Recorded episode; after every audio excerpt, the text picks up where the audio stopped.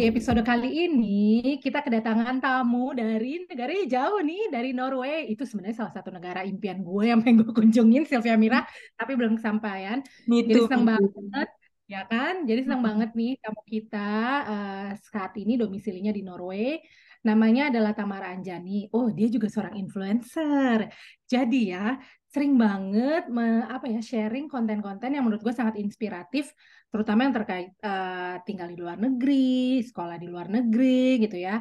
Tapi di episode kali ini kita nggak akan membahas tentang sekolah di luar negeri.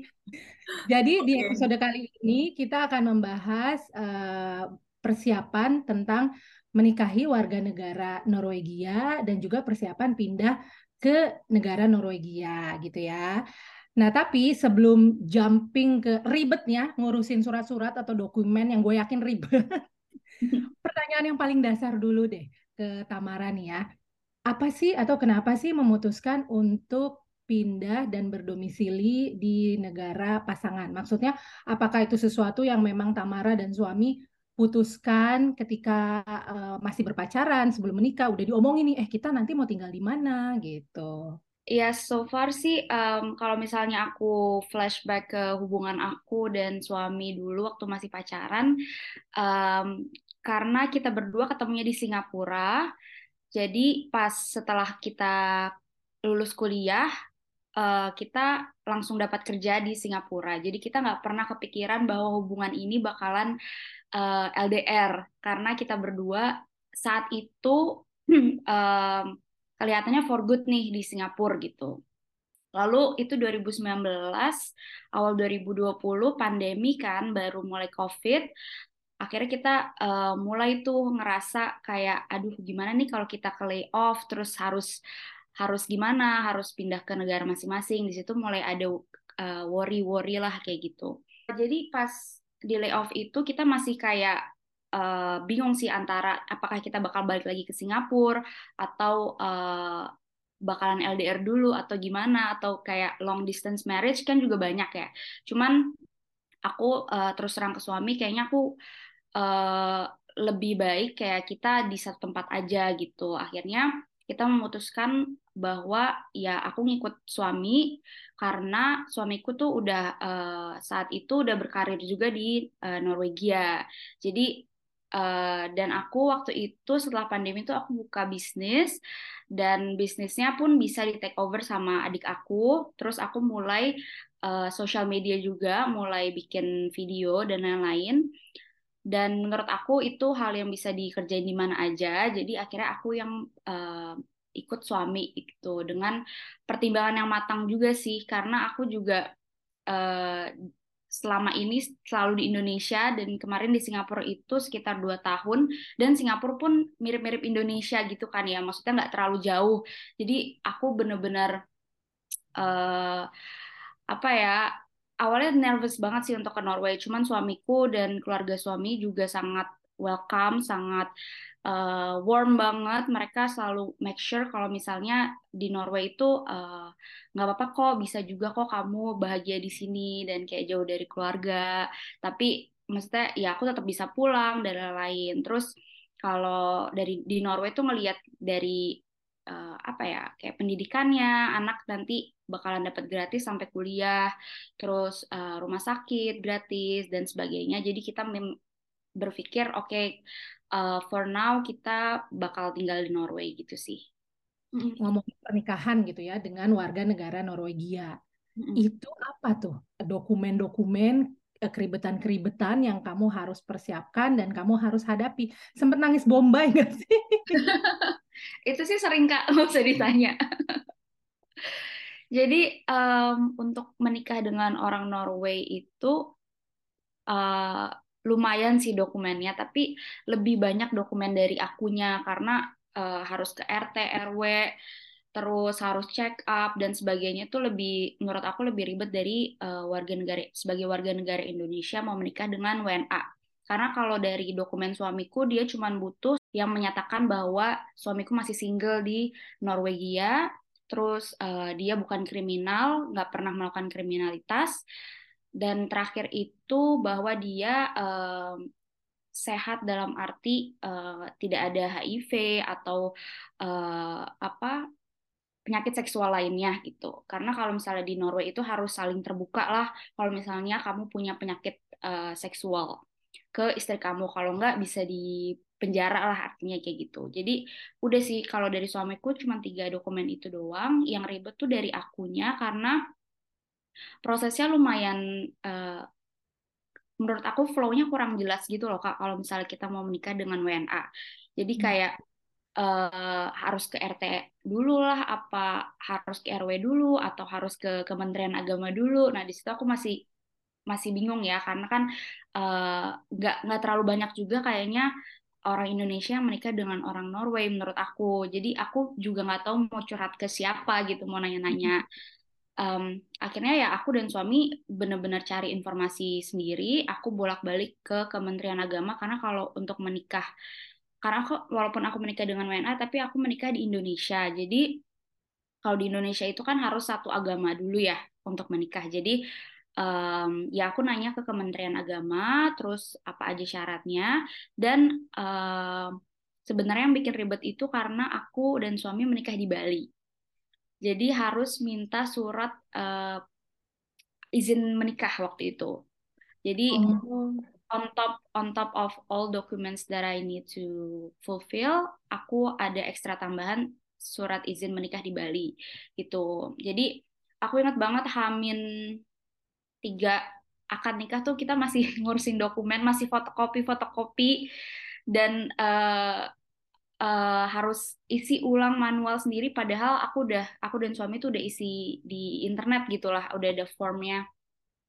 Tapi saat ke apa ya namakan kayak KUA gitu deh kalau nggak salah di Bali mereka bilang oh kita harus isi manual lagi. Jadi kita sempat stres banget iya, nah ya, kemudian ya. setelah uh, pengurus dokumen pernikahan ada lagi another PR ya bahwa ngurus dokumen kepindahan gitu kalau dokumen-dokumen kepindahan gitu, yang sebenarnya yang paling penting harus disiapin dari awal tuh apa sih? Tam? Mungkin yang paling penting aja kali ya. Menurut aku sih yang harus di diurus setelah menikah itu ya melegalisir buku nikahnya sih.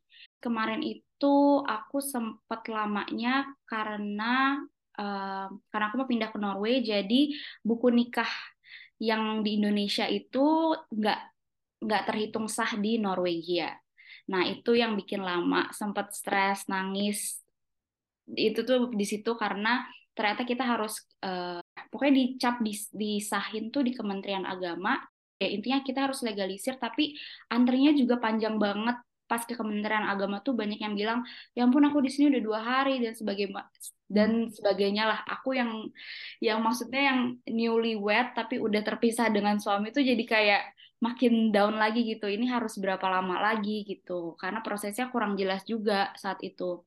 Dan ujung-ujungnya aku pakai agent juga untuk melegalisir dokumen tersebut gitu. Karena aku nggak mau ribet deh biar kayak uh, agent aja yang melegalisir dokumennya. Hmm. Setelah legalisir gimana? Maksudnya apakah didaftarkan di kedutaan Norwegia di Jakarta gitu? Uh, buku nikah tersebut itu dilegalisir terus buat dikumpulin ke untuk aplikasi ke UDI itu ke kantor imigrasi di Norway bersama dokumen-dokumenku yang lain. Dan uh, di Norway itu kalau um, kalau menikah dengan orang Norway mereka lebih uh, toro uh, ngasih pertanyaannya. Contohnya kayak uh, kamu menikah dengan uh, agama apa terus uh, apakah ini pernikahan tuh consent between between you two? Maksudnya karena banyak banget um, di sini itu uh, nikah tuh kayak dibeli gitu loh kak. Uh, kayak perempuannya tuh dibeli karena ada kayak mahar kayak gitu-gitu kan. Nah jadi tuh uh, pemerintah Norway nggak mau uh, pernikahan ini tuh hanya cuman berdasarkan transaksi.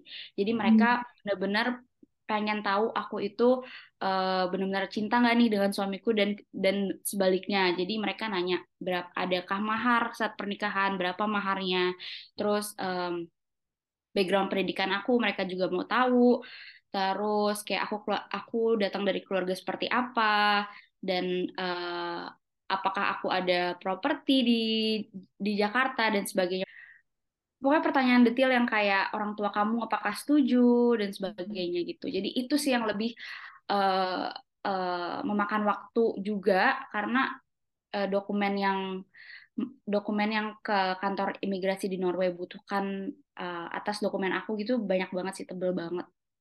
Hmm, itu berarti ketika kantor imigrasi itu begitu approve sekalian untuk izin visa tinggal kamu ya? Iya betul. Tapi kalau uh, aku masih temporary sih kak. Jadi kalau misalnya udah dapat izin tinggal itu per tahunnya selalu diperbaharui sampai nanti aku sudah lulus level B2 di bahasa Norwegia, baru aku dapat permanent residence. Ketika gue juga ke Australia kemarin itu sama itu luar biasa sekali dokumennya menunjukkan foto, menunjukkan akun sosial ya. media, betul, relationship ke semua ya, orang, itu juga. diam-diam. sampai ya iya, Allah ya iya. tuh. Iya betul kak. Uh, ya. Proof of relationship benar. Aku sampai hmm. sosial media aku aku screenshot dan lain-lain itu benar-benar aku semua aku masukin lah ke dokumen itu. Jadi no kawin kontrak lah ya. no kawin kontrak.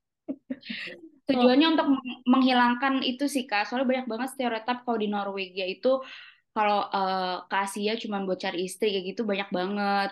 Jadi mungkin untuk menghilangkan stereotip itu juga sih. Hmm. Nah tadi kan uh, kamu juga sempat bilang tuh Tam, uh, untungnya suami aku itu orangnya sangat detil dan toro gitu. Hmm. Nah aku jadi hmm. penasaran nih, support apa aja nih yang uh, dilakukan oleh suami gitu ya untuk membantu at least itu memperlancar proses kepindahan kamu. Oke, okay. waktu itu sih, jadi setelah kita menikah di Bali, suami uh, menetap di Jakarta for a while, kayak dua mingguan gitu, untuk ngebantuin aku soal dokumen-dokumen. Jadi dia uh, memang mengambil cuti lebih untuk bantu aku uh, ngurus dokumen, terus ke Kementerian uh, Agama dan sebagainya gitu. Jadi suami aku benar-benar ngebantunya dengan cara uh, yang menenangkan itu pertama dan selalu bilang kayak kita bakal bisa melakukan ini semua kok gitu. Ini ini semua bakalan berjalan dengan lancar kok gitu. Padahal aku pun tahu pasti dia juga takut kalau uh, ternyata visanya nggak di accept atau aku harus menunggu uh, berbulan-bulan. Pokoknya di sebelum dia pindah ke Norway itu dia uh, kasih aku uh, dokumen map gitu semuanya tuh udah ada apa sih kayak post-it kayak ini tuh uh, dokumen batas-batasnya dokumen apa dokumen nah, identitas apa, kamu dokumen. misalnya terus ini kalau misalnya kamu ditanya ini ini ini ini karena aku orangnya nggak nggak seorganize suami aku gitu dan apalagi kalau aku udah panik tuh aku pasti kayak aduh ah, harus mulai dari mana nih kayak aduh kayak aku nggak bisa deh aku nggak bisa nah tapi suamiku selalu meyakini bahwa bisa kok semuanya tuh pasti bisa. Karena dari zaman pacaran sampai menikah aja tuh banyak banget uh, tantangannya tapi kita bisa gitu udah sampai sini. Masa mau pindahan kita jadi uh, apa ya nggak termotivasi lagi nggak bisa lah gitu. Menurut aku harus tahu aja sih role dari uh, kamu dan pasangan. Mana nih yang lebih baik yang lebih baik di uh, bagian mana? Misalnya kamu yang lebih uh, bisa menenangkan dan kamu menenangkan kalau misalnya suami kamu lebih organized dia yang uh, in charge of documents kayak gitu. Ya kerjasama atau kolaborasi itu penting lah ya untuk uh, mempermudah semuanya gitu.